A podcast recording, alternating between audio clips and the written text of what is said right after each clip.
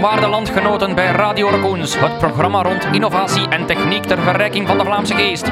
Dit programma wordt u gebracht door de Raccoons Groep, een verzameling technologiebedrijven die zich bezighouden met wonderlijke uitvindingen zoals kunstmatige intelligentie, praatrobots, virtuele realiteit en zelfs kwantumrekenaars.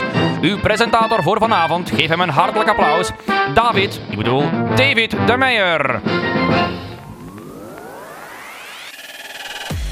Hallo iedereen, welkom terug bij Radio Raccoon. Centrale vraagstelling voor vandaag. Hoe omarmen ziekenhuizen innovatie?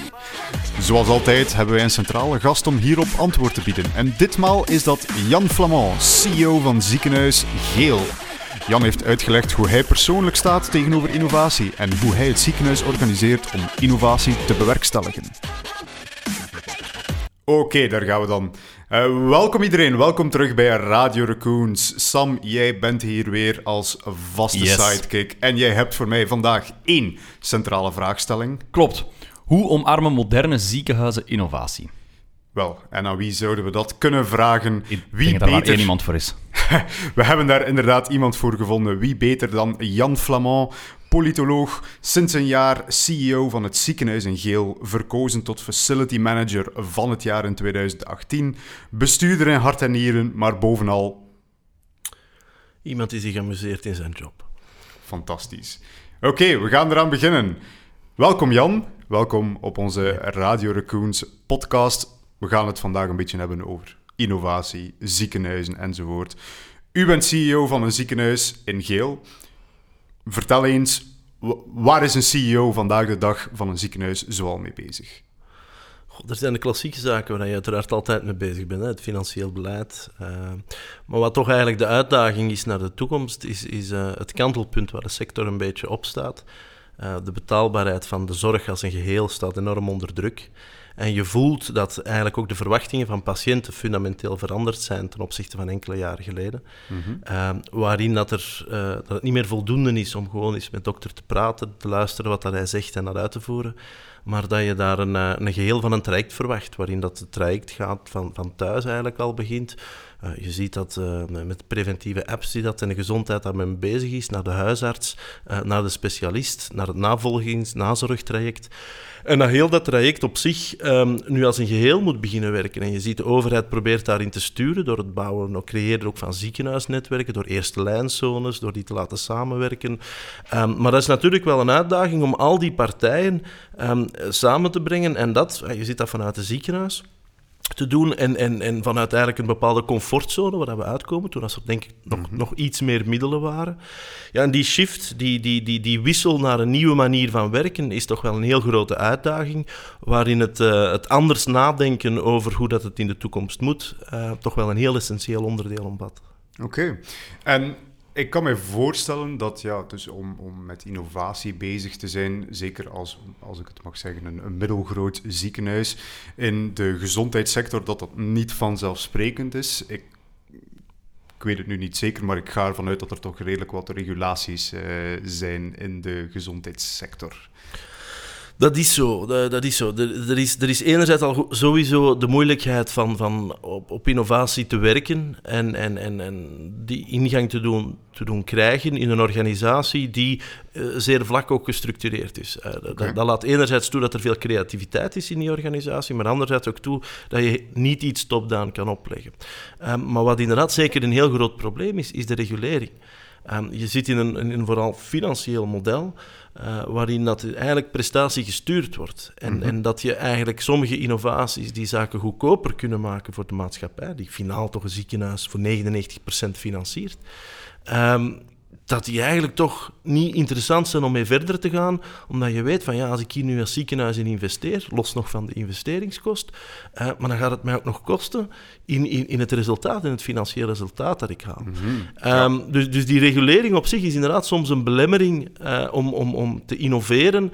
En zeker op het punt waar, nu, waar, waar we nu gekomen zijn, waar we toch fundamentele zaken willen wijzigen in het, in het businessmodel, als ik het zo mag zeggen, Ja. van zowel ziekenhuis, maar eigenlijk van de gezondheidszorg als een geheel, ehm, is dat toch wel een serieuze belemmering Nu, de overheid is zich daarvan bewust. Hè. Het is, het is ook niet, ik, ik wil hier niet komen zitten en zeggen van de overheid doet, doet alles verkeerd. Ehm, Maar natuurlijk, je hebt zoveel stakeholders in de zorg. Hè. Dat gaat van de eerste lijn, uh, dat gaat van, van inderdaad je tweede lijn, waar je ook nog ziekenhuizen, de artsen zelf, de verpleegkundigen met hun specifieke problemen, uh, waar dat de recrutering moeilijk is. Uh, maar dat gaat ook de nulde lijn, de, de, mantelzorg en alles wat daar rondhangt. De gespecialiseerde zorg, zoals in academische ziekenhuizen.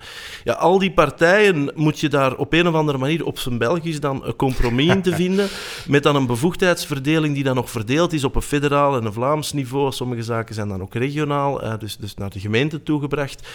Ja, om daar natuurlijk een verandering in te krijgen, je voelt ook al, het, het, wordt al bijna vermoeiend om het allemaal op te sommen. Um, laat staan om ermee aan tafel te gaan zitten, laat staan om dan tot, te zeggen, uh, tot een akkoord te komen en zeggen, ja, we gaan het nu eens helemaal anders doen, we gaan eens van een wit blad beginnen. Ja.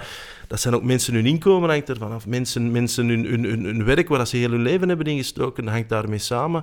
Dus die veranderingen, dat zijn zaken dat je niet zomaar snel, snel in beweging kan brengen. Ja, en ik neem aan dat, dus ik heb, ik heb het al net er eens, eens, eens in de mond genomen, dat ja, voor jullie als middelgroot ziekenhuis, la, laat ons nu gewoon zeggen, geen universitair ziekenhuis te zijn, dat jullie daar ook wel een beetje in een ja, interessante positie zitten. Niet de kleine ziekenhuizen die geen keuze hebben om, om, om te gaan innoveren, die maar ja, vooral moeten instaan voor de dagdagelijkse behandelingen. Dan neem ik aan dat universitaire ziekenhuizen af en toe een keer een paar miljoen krijgen om te verbrassen aan, aan een of ander uh, innovatief onderzoeksproject. En, en dan helemaal in het midden zit u. En, en hoe navigeert u die wateren, zeg maar, van, van innovatie? Moeten we daar, hey, moet u soms ook het voortouw gaan nemen op bepaalde projecten? Of ja, hoe, hoe is daar ruimte voor? Ja. Misschien eerst nog even, want ik heb de voorbije twaalf jaar in universitaire ziekenhuizen gewerkt. Het verbrassen valt daar vrij goed mee, moet ik zeggen. het was natuurlijk lichtjes overdreven, natuurlijk. Ja, ik moet zeggen, en het is ook niet dat er overdreven veel middelen in innovatie al toekoor gestoken worden, ook niet voor die academische ziekenhuizen. Het probleem is juist voor een stuk dat die academische ziekenhuizen verplicht worden hetzelfde bedrijfsmodel te hanteren als een algemeen ziekenhuis. Mhm. en, en daardoor dat er te veel middelen misschien binnen die universitaire ziekenhuizen effectief worden gestoken gestoken in dat klassiek bedrijfsmodel, wat hun financiële overleving is, omdat juist de investering in, voor die academische opdracht, onderwijs en, eh, en onderzoek, um, te weinig gefinancierd wordt. Natuurlijk, dan moet je ook duidelijke afspraken maken wie wat gaat doen. Ja. Um, dat, dat even uh, ter intro, omdat ik toch uh, naar mijn vroegere collega's altijd vriendelijk wil blijven. um, u, u, moet nog binnen kunnen. ja, ja af, en toe, af en toe zie ik ze nog eens. Hè. nee, maar, maar wat dat met een algemeen ziekenhuis inderdaad wel, wel, wel het leuke is, is en, en, zeker als dat niet te groot is, is dat je inderdaad wel een heel goed contact kan houden met wat er in de organisatie aan het gebeuren is. En dat is natuurlijk wel heel essentieel om innovatie te kunnen ondersteunen. En um, ik, ik, denk dat dat ook de opdracht is. Hè. Je kan niet um, innovatie leiden. Dat is, dat is een absurd gegeven dat je denkt van ja, dit, we gaan innoveren en we gaan dit nu allemaal uitvoeren. Mm -hmm. Wat je kan doen is inderdaad proberen uh, naar de buitenwereld toe daar een netwerk op te bouwen, samen te werken. Uh, Co-creation is daar een mooi woord. Okay. Um, maar het is wel een realiteit. Als je inderdaad gaat de samenwerking aangaan met anderen, uh, en dan bedoel ik niet ziekenhuizen, maar vooral buiten je eigen sector gaat kijken Um, bedrijven die ermee bezig zijn, mensen die ermee bezig zijn. Um, en je brengt die denkpatronen binnen, je denkt die, die mogelijkheden binnen in je organisatie. Um, doordat het een kleinere organisatie, een kleiner ziekenhuis is dan, dan de echte grote algemene ziekenhuizen, is het soms ook makkelijk om te zeggen van ja, kijk, we brengen naar die specifieke artsen, we weten die staan daarvoor open en, en we gaan daarmee eens praten en we zeggen van kijk, dit, dit lijkt toch wel eens interessant, uh, gaan we daar samen eens een keer naar kijken.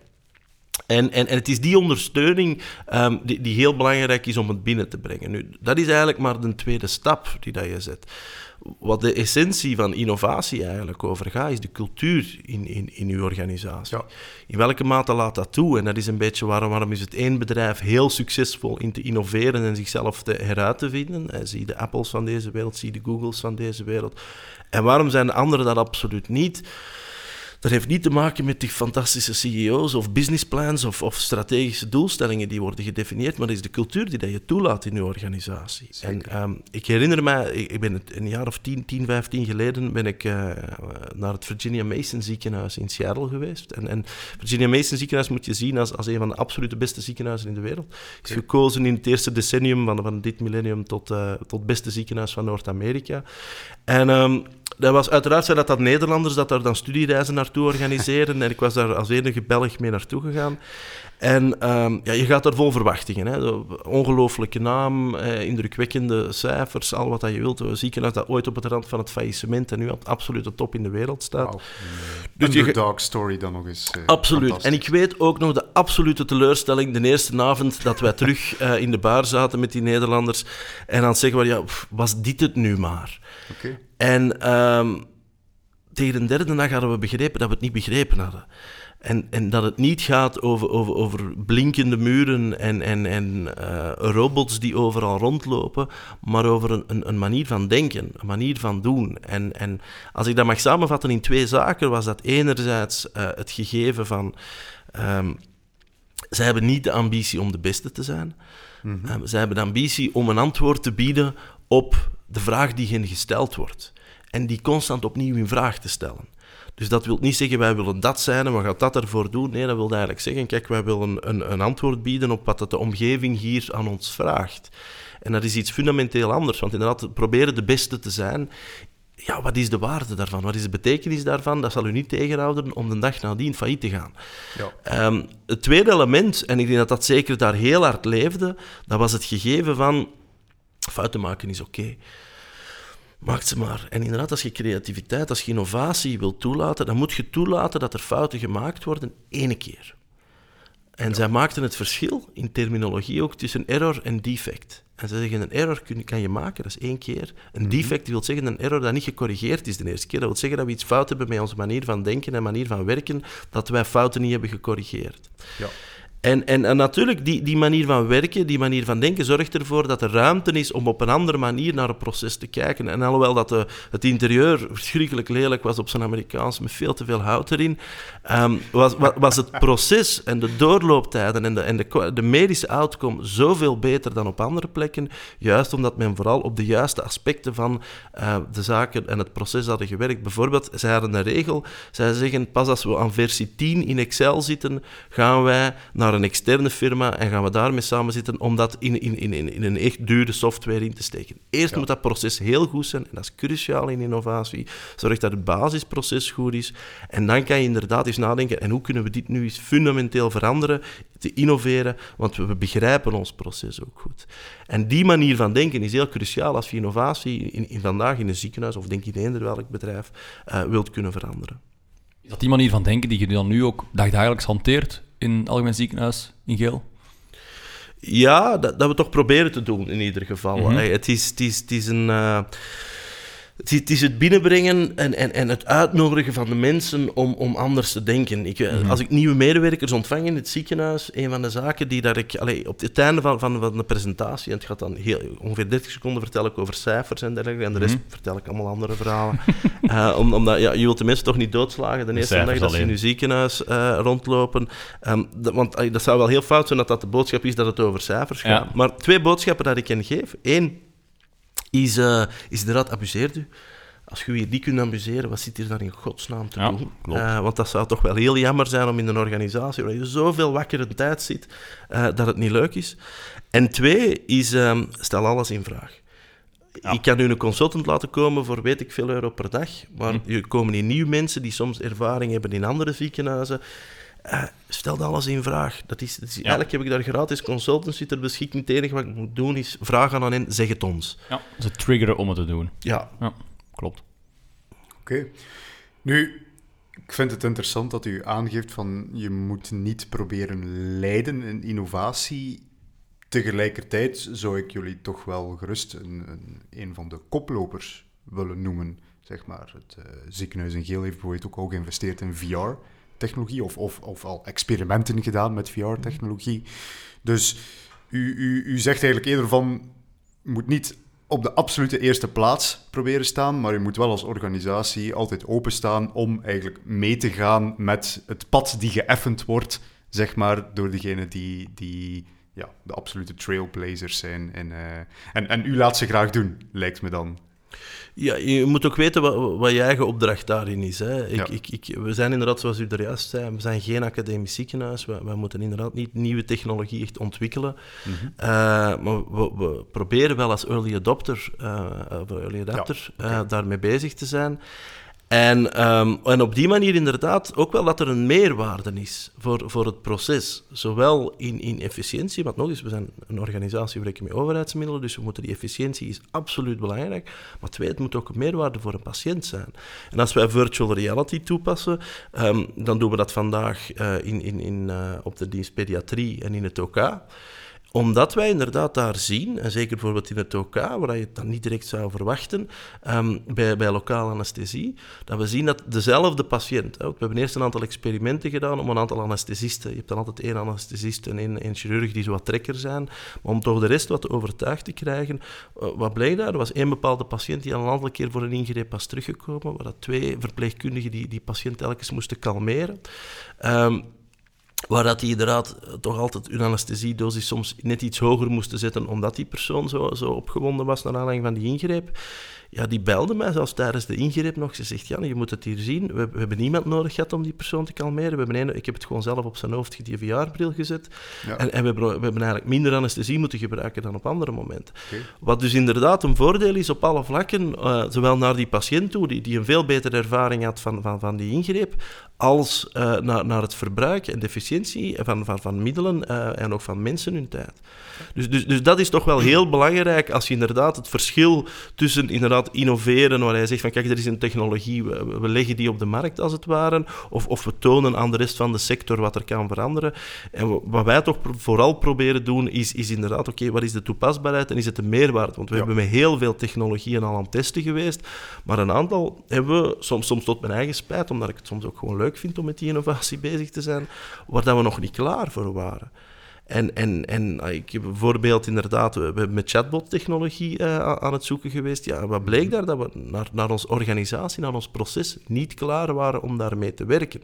Alhoewel dat ik absoluut geloof in die technologie als een enorm potentieel te hebben, eh, ik denk in alle sectoren, om eh, de zaken efficiënter en kwalitatiever te laten lopen. Ja, en we worden eigenlijk tegenwoordig een beetje om de oren geslaan met technologie. Hoe beslist u dan eigenlijk als CEO welke technologieën, welke ideeën interessant zijn om, om in te gaan investeren of meer rond te gaan doen en welke ideeën eigenlijk zeg maar, op voorhand al moeten geparkeerd worden?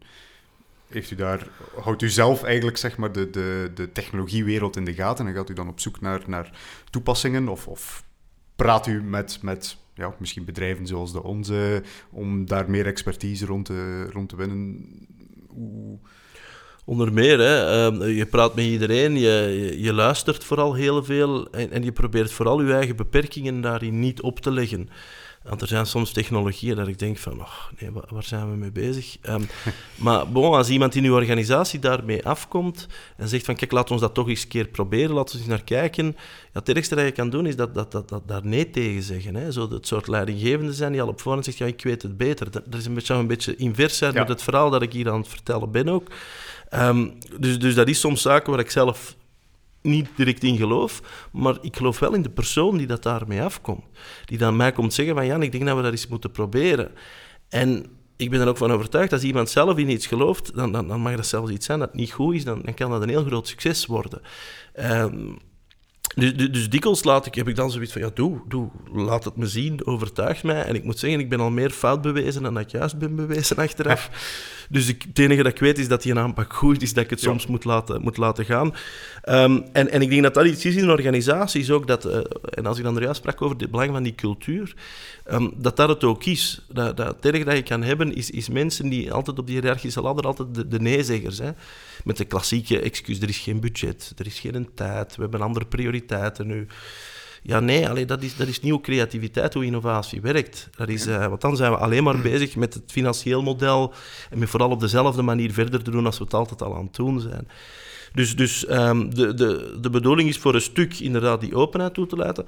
En anderzijds toch ook wel bewust op zoek te gaan. En, en, en als je, als, zeker als er nieuwe technologieën of, of bedrijven zijn die het op een andere manier toepassen, ja, daar, daar die is toch eens uit te nodigen. U, uw mensen daarmee in contact te brengen. eh, eens te kijken van, ja, kijk, wat is er mogelijk? En de realiteit is dat soms in eerste instantie dat dat niet altijd een succes kan zijn. Uh, en dat, dat, mensen voelen van, oeh, dit is toch veel. En, en, soms is het ook zo heel bedreigend, hè, die technologie. Ik herinner me toen als ik chatbot-technologie begon voor te stellen, dat toch een aantal mensen zich afvroegen, je wilt dat zeggen dat onze job verdwijnt binnenkort? Um, ja, voor een stuk wel, maar het wil ook zeggen dat we een andere soort service kunnen bieden aan patiënten.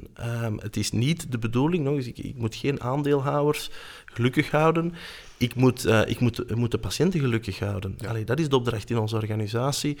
Dus, dus uh, het gewoon efficiënter en goedkoper maken om dan te zeggen van ja, onze klanten jammer. Ja, nee, want eigenlijk de klanten zijn eigenaar van, van, van, van ziekenhuizen. Via belastingen betalen zij daar allemaal voor. Dus, dus, dus, dus dat is op zich wel een, vrij makkelijk verhaal op dit moment. Als ik dat kan financieel balanceren, alle meerwaarde die ik win, kan ik inderdaad herinvesteren in de kwaliteit van, van de zorg die we bieden.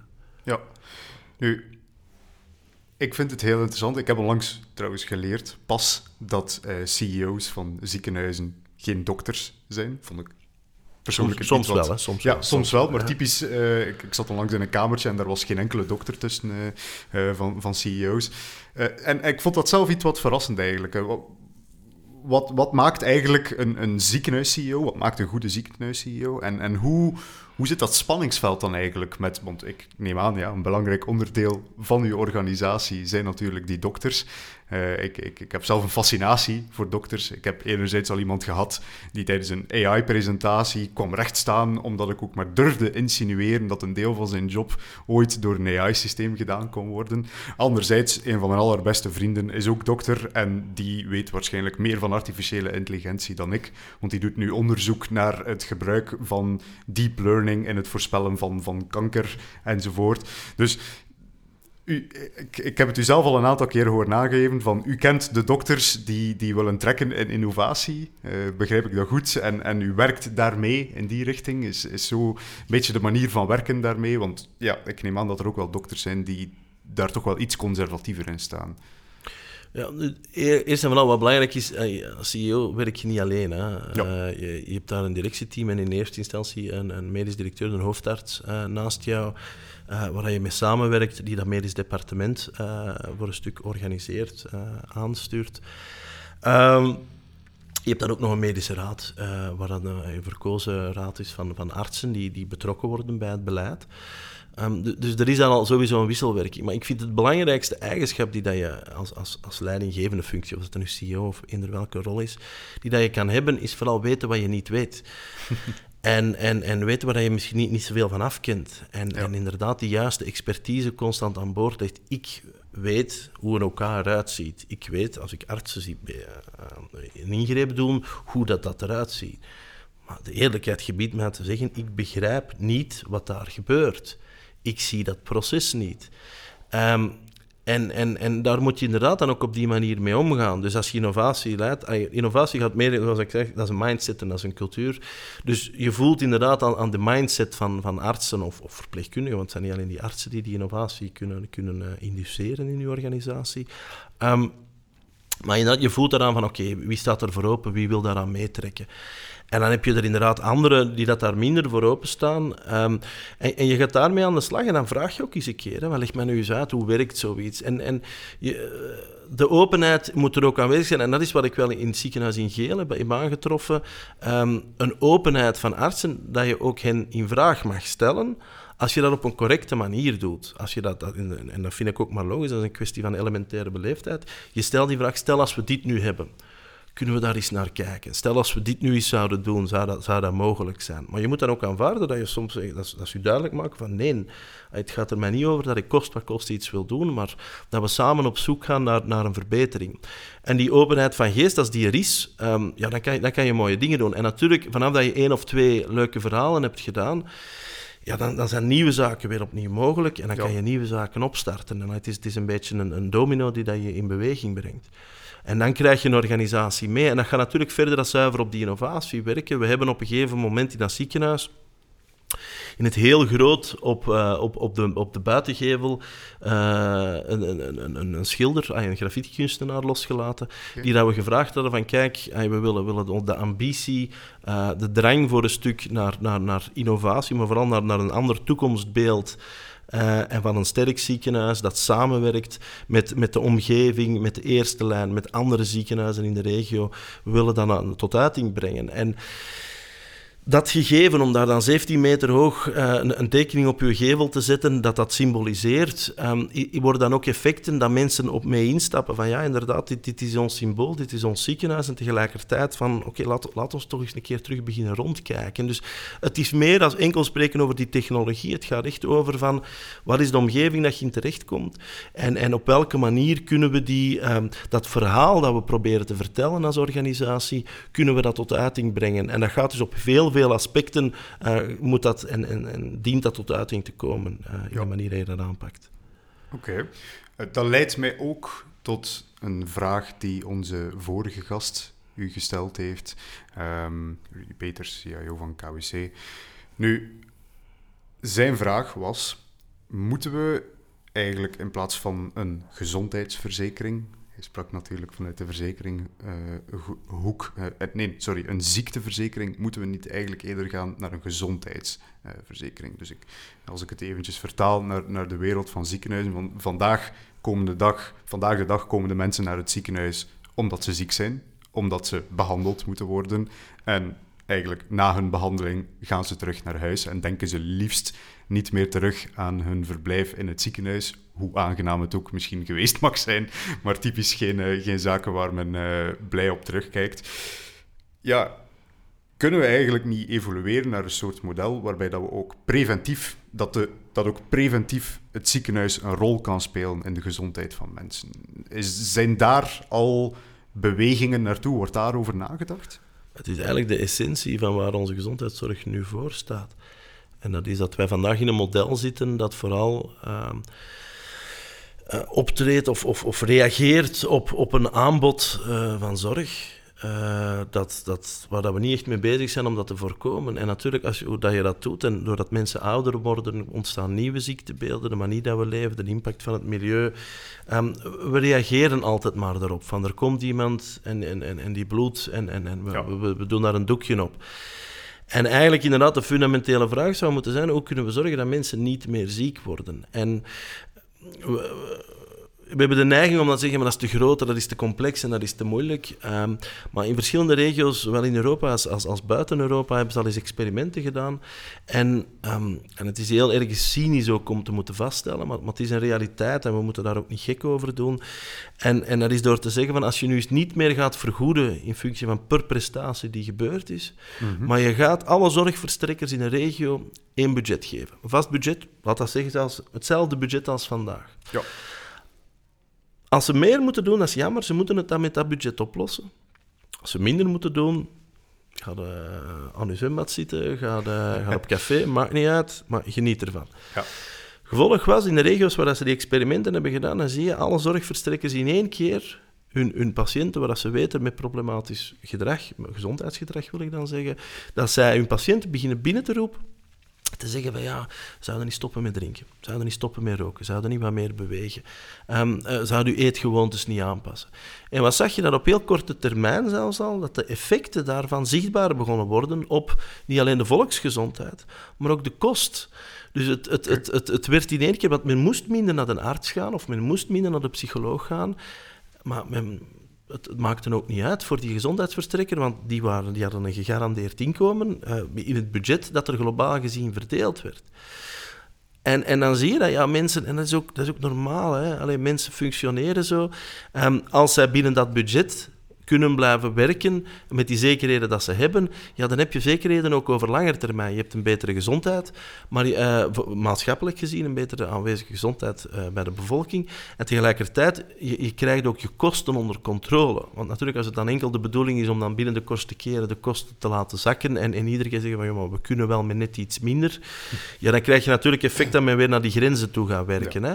Maar, maar, maar als je zegt van, kijk, we zitten met een gesloten budget en daarin moeten we het oplossen, dan zie je dat er eigenlijk met, met, met wat creativiteit veel kan veranderen. Natuurlijk, dat is ook weer een heel fundamentele verandering van je maatschappij. Dat wil zeggen dat je eigenlijk gaat financieren op gezondheid in plaats van te financieren op ziekte, wat vandaag eigenlijk in de realiteit gebeurt. Hoe meer zieken, hoe beter dat het is voor de exploitatie van het ziekenhuis. Hoe makkelijker dat mijn werk eigenlijk wordt. Dat is eigenlijk heel cynisch. Hè? Als je weet dat wij gezondheidswerkers zijn en wij zijn allemaal afhankelijk van zoveel mogelijk ziekte. Om, om, om, om een degelijk inkomen te hebben, om goed te kunnen functioneren en dan te blijven bestaan. Ja. Ja, dan inderdaad, dan moet je je model eens een keer in vraag stellen. Dus het is absoluut de juiste vraag op ene nuance na om nu te zeggen van we moeten naar een gezondheidsverzekering in plaats van een ziekteverzekering, dat, vind ik nu nog iets anders.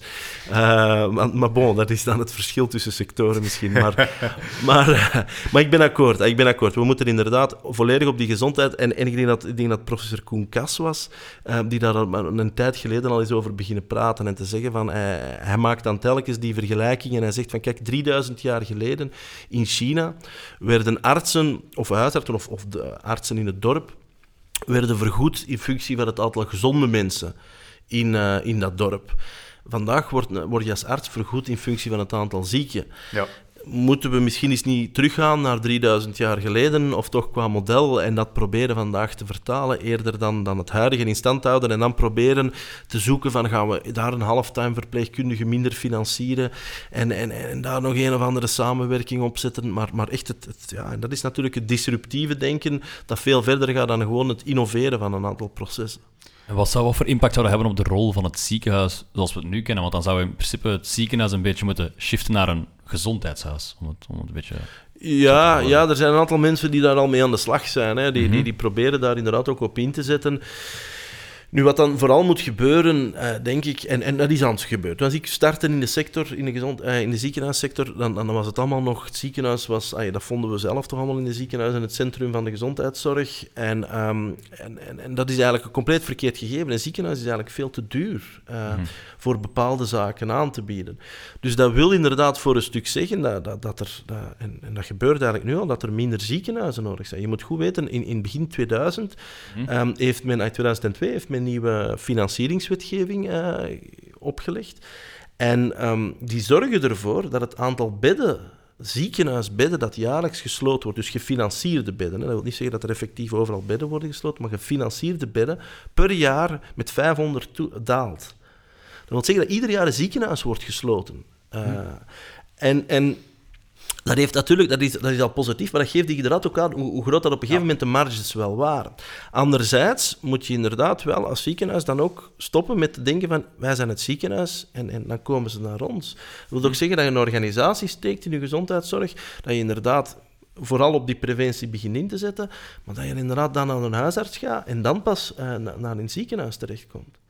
Oké, super interessant. Dus kijk, mijn, mijn lieve oude oma had toch gelijk. Die, die weigert om naar ziekenhuizen te gaan. Want die heeft zoiets van: kijk, als ik eens dat ik daar naartoe ga, gaan ze meerdere dingen vinden. En dan gaan ze mij proberen bijhouden. En gaan ze mij blijven proberen terugkrijgen naar het ziekenhuis. Uh, want, want ze willen toch maar alleen.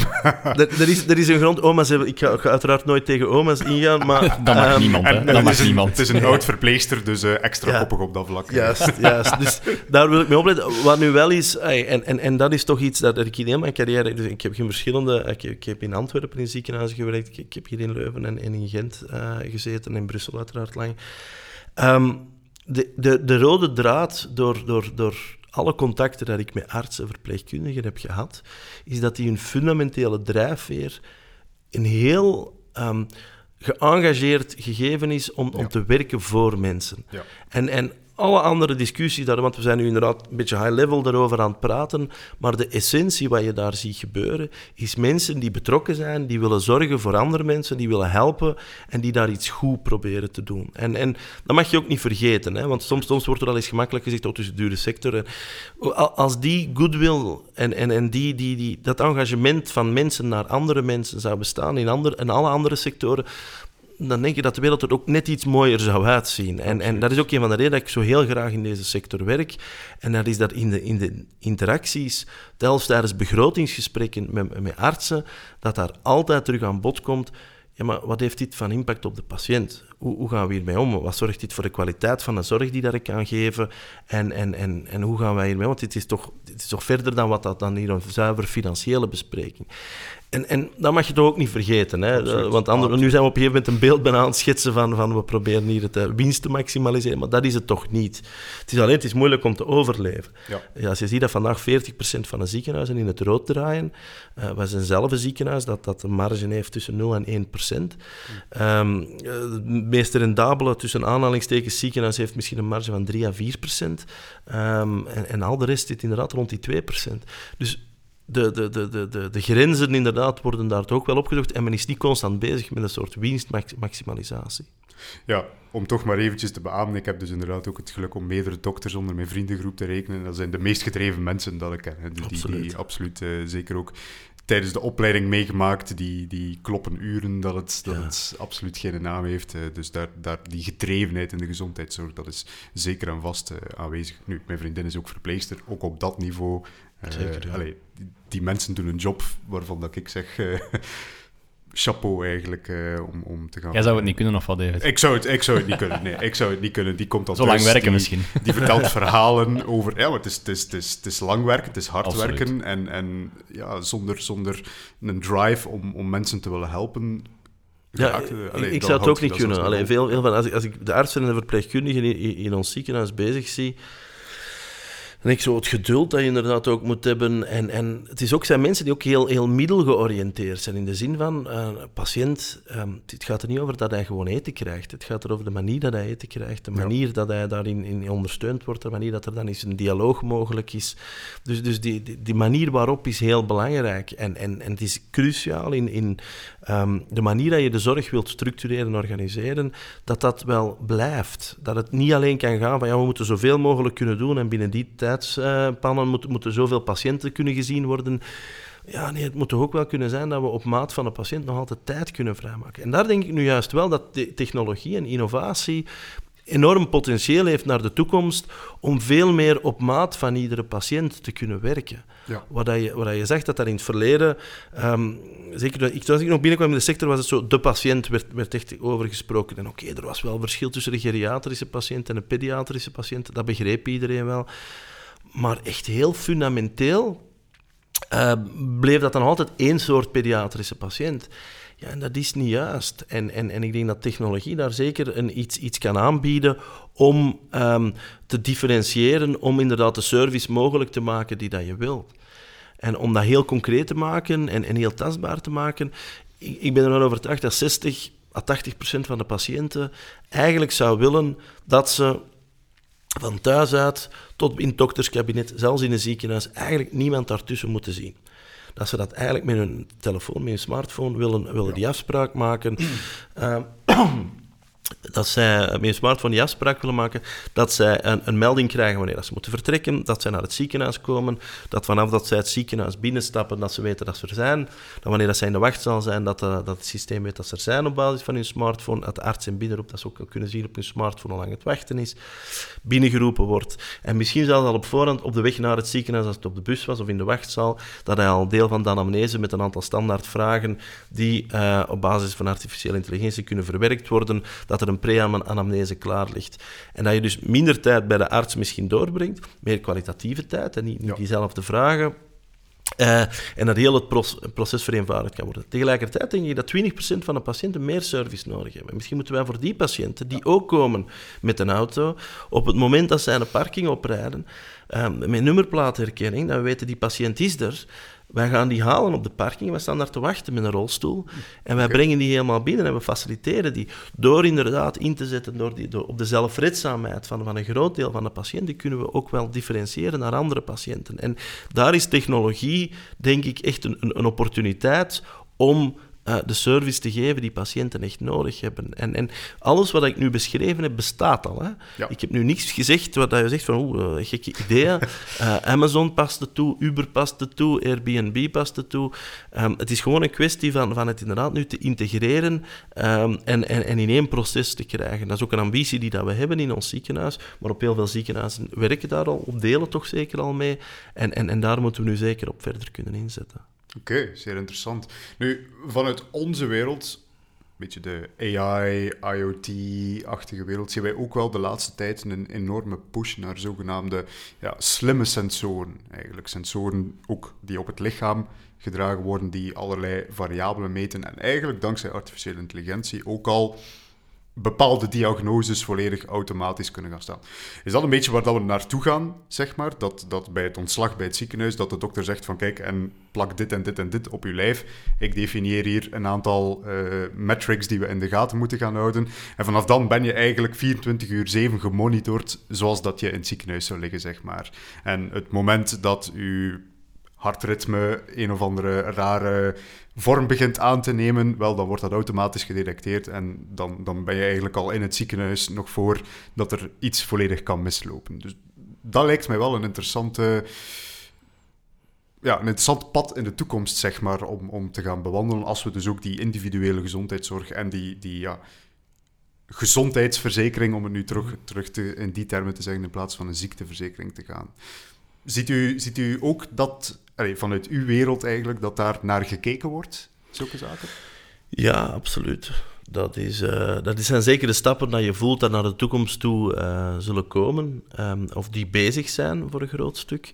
Um, twee grote elementen zijn daarin natuurlijk belangrijk. Uh, dat is, of drie eigenlijk. Dat is één, de technologie op zich um, en, en de manier dat de technologie met alle verschillende softwarepakketten die vandaag soms nog, waar dat de data vandaag gegroepeerd wordt, uh, bijeengebracht wordt. Uh, twee is inderdaad het aspect privacy. Uh, nu, ik, ik, ben persoonlijk, en, en dat is misschien, ik maak me er niet altijd zo populair mee, niet altijd de grootste adept van de overdreven privacywetgeving. we spreken hier natuurlijk, ik zit in een sector waar we over gezondheidsgegevens zitten, um, dat, dat, dat daar toch, vind ik, soms iets flexibeler mee moet kunnen omgegaan worden. Het gaat hier over gezondheid, over ook iets dat trouwens veel geld kost aan de maatschappij.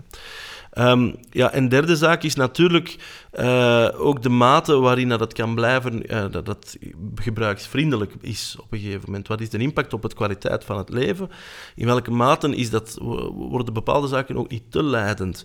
Je moet ook... Um, ik was niet zo lang geleden was ik in Japan en, en ik vond, wat mij daarop viel, um, was hoe dat iedereen daar inderdaad zeer conformistisch functioneerde. En ik ben iemand die wel een beetje van wat chaos houdt. en, en dan denk ik ook zo van, ja, oké, als op een gegeven moment zegt, ja, je moet zo lang slapen, je moet dat eten, je moet dat drinken, je moet dat... Op een gegeven moment moet u ook wel eens in vraag durven stellen, zijn we nog zijn we nog aan het leven of zijn we aan het overleven? Um, in functie van een groter geheel. En, en dat mag ook niet helemaal doorslagen natuurlijk. Dus ik denk dat inderdaad die monitoring absoluut de toekomst is. Daar zitten een aantal uitdagingen bij. Maar er zijn ook toch ook een aantal bedenkingen dat je moet maken tot, tot hoe ver uh, kan je het laten gaan.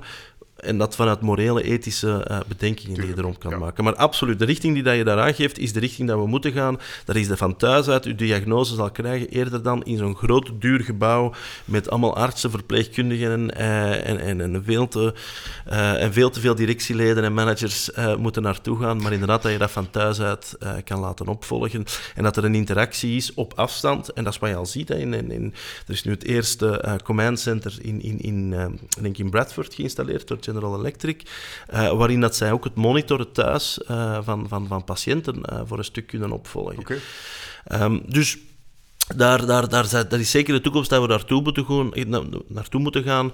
Um, de manier waarop is nog een, een beetje ja, de zoektocht. En dat is een heel leuke zoektocht, want het is denk ik een, absoluut een heel leuke periode om vandaag in de gezondheidszorg actief te zijn. Ja, en ook een beetje vanuit onze wereld, die artificiële intelligentie, dat is zeg maar iets dat gestaag, langzaam, maar allez, langzaam moeten we het zeker alvast niet meer noemen de, de laatste tijd, maar toch uh, die meer en meer, ook ja, ik, ik zit nu in mijn eigen nieuwsfilterbubbel natuurlijk, maar ik word, ik word constant bestookt met artikelen van uh, een AI-systeem die goed medische scans, beter dan dokters medische scans kan herkennen. Een AI-systeem die, um, we hebben onlangs nog een filmpje gezien van een robot die een operatie verlicht, verricht op een, uh, op een limoen.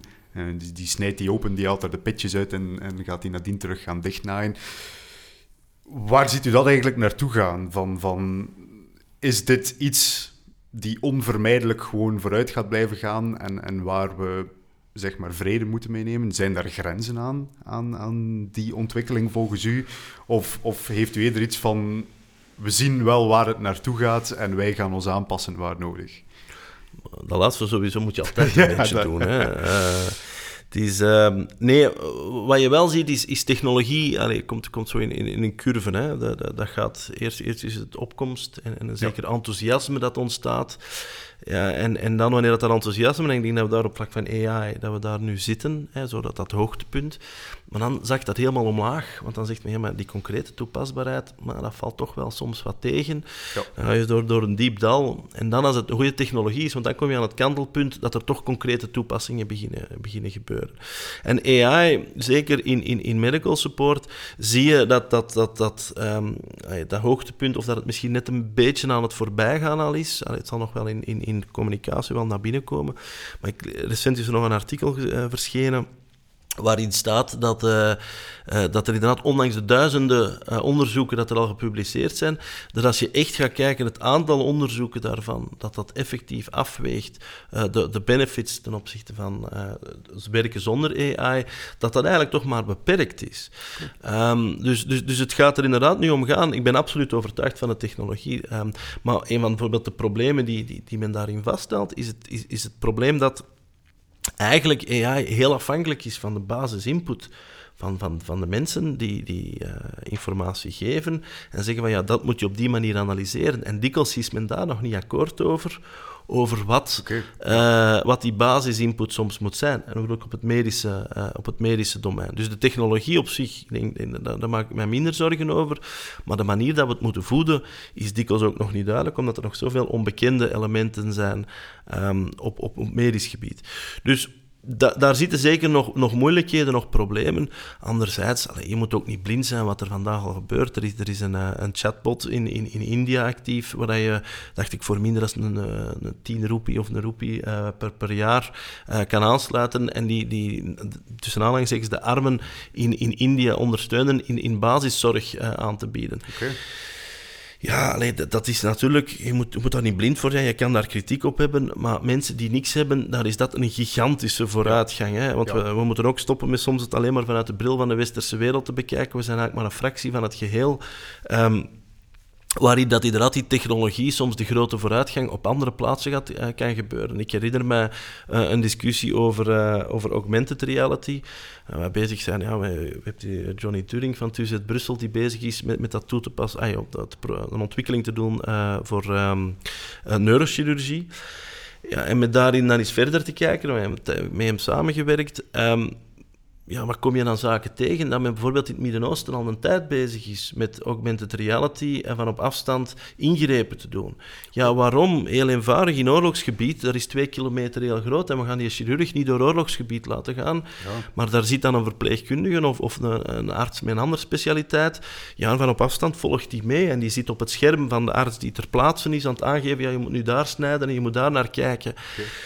Daar sta je dan niet bij stil, hè, want wij denken dan, ja, in het Westen, we staan daarin, we staan daarin voor en al ook. Nee, daar wordt het al concreet klinisch toegepast. Ja. Um, dus, dus ik denk dat we inderdaad ook innovatie op die manier moeten bekijken. Er zijn inderdaad de winst die, die dat er nog te halen zijn, de efficiëntie, want ik denk dat de uitdaging meer is de betaalbaarheid van de zorg in het Westen.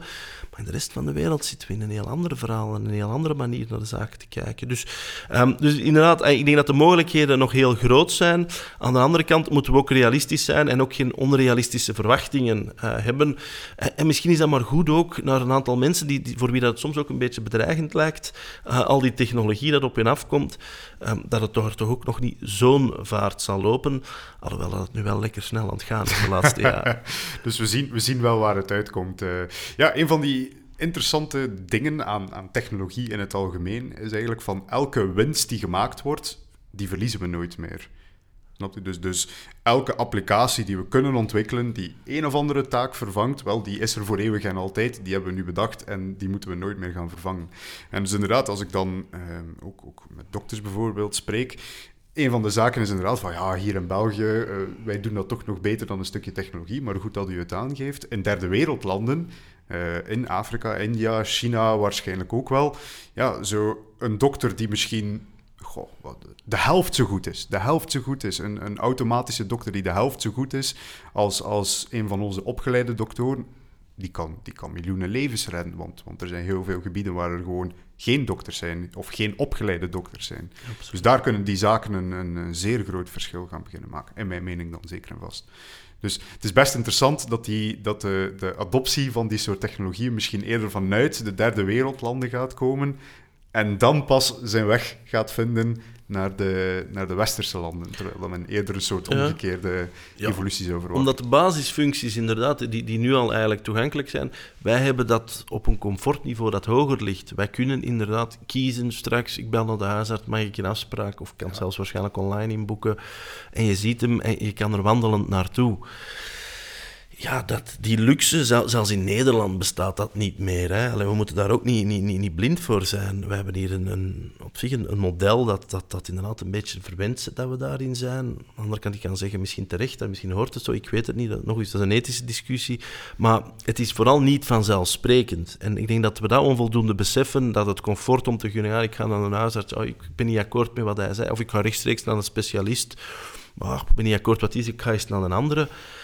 Ja, dat bestaat zelfs in de rest van Europa bijna niet meer. Hè. Allee, Ja. daar, doe je dat niet. Daar wordt er gezegd van, kijk, ga naar die huisarts. En pas als die huisarts zegt, ga je naar een specialist. Mm, Overlaatst nog aan het praten met iemand, die zegt mij van, ja, een pediater, ehm, eh, een, een, een- zijn kind, zoon of dochter, had, had, had, had, zoals dat zo mooi zei, het was een huisarts die het mij vertelde. Hij zegt, ja, een snotvalling, de meest basic of the basic. En ze bellen naar mij en ze zeggen, ja, want de pediater had geen tijd, mogen we naar u komen? Ja, alleen dan moet je ook de vraag stellen van die specialisaties die dat we hebben, zijn we dat eigenlijk nog wel goed aan het gebruiken? En, Ja. en dat is toch wel iets dat je ook in vraag mag stellen. En misschien inderdaad dat zelfs technologie voor een stuk zelfs die rol van die huisarts eh, daarin kan overnemen. Eh, op termijn, toch zeker. Ik denk dat dat zeker een, een mooi punt is om op te concluderen. De kwaliteit van onze Belgische gezondheidszorg is toch echt wel ja, onevenaarbaar. Ik zeg het vaak tegen mensen van Verenigde Staten. Ik ga er graag naartoe, ik ga er graag op vakantie, maar ik ga er nooit gaan wonen. En Je eigenlijk wilt er één ziek zijn. hele specifieke reden. Ja, als je daar ziek wordt, dan, eh, dan is het over en uit voor u. Terwijl hier in België kunt je, ja, kunnen we wel qua gezondheidszorg niet beter zijn. Goed, dat zitten wij ongeveer ook op onze richttijd. Eh, Jan, ik wil u alvast bedanken, eerst en vooral voor uw komst vandaag. Heel interessant gesprek. Nu, natuurlijk, er is ook de rode draad doorheen al onze podcasts. Volgende aflevering hebben we Stefan Vinken. ehm, Venken. Mark, Uitgesproken. Venken, sorry. Dat is misschien een lichte Engelse uitspraak van u. Stefan Venken. Ehm, marketing director bij VP, eh, het vroegere. Vant exclusief. Ehm, en, en heeft u een vraag die wij kunnen stellen aan Stefan? Wel, de vraag die, die ik mij misschien wel stel is, eh, zeker wat online marketing betreft, eh, waar dat Mhm. toch een van de, van de, van de voortrekkers in zijn. Ja. Ehm, in welke mate dat, dat hij inschat dat dat een, een impact heeft op eh, sociale cohesie in bepaalde buurten of bepaalde regio's, omdat het inderdaad voor een stuk winkels en, en, en, en vooral de kleinhandel vervangt. Ja. Ehm, en wat, dat, wat, wat dat hij vindt dat, dat, eh, dat het effect daarvan is, of hoe dat we daarmee zouden moeten omgaan, of vooral hoe dat de kleinhandel zelfs daarmee zou moeten omgaan. Oké, zeer interessant. Interessante vraag. Ik ben eh, curieus naar het antwoord. Ja, dat gaan we dus de volgende keer voorleggen. Alright, iedereen, eh, dat is onze aflevering. Bedankt voor het luisteren. Ik heb natuurlijk ook nog Sam, die het eh, verplichte stukje op het einde van de aflevering stuk. kon brengen. Zoals altijd, hè, als het interessant is, subscribe, dan blijf je op de hoogte van nieuwe afleveringen. En moesten er vragen zijn voor Jan, geef ze door en dan eh, spelen wij ze graag door. Oké, voilà, dan kunnen we daar afsluiten. Bedankt iedereen en tot de volgende keer.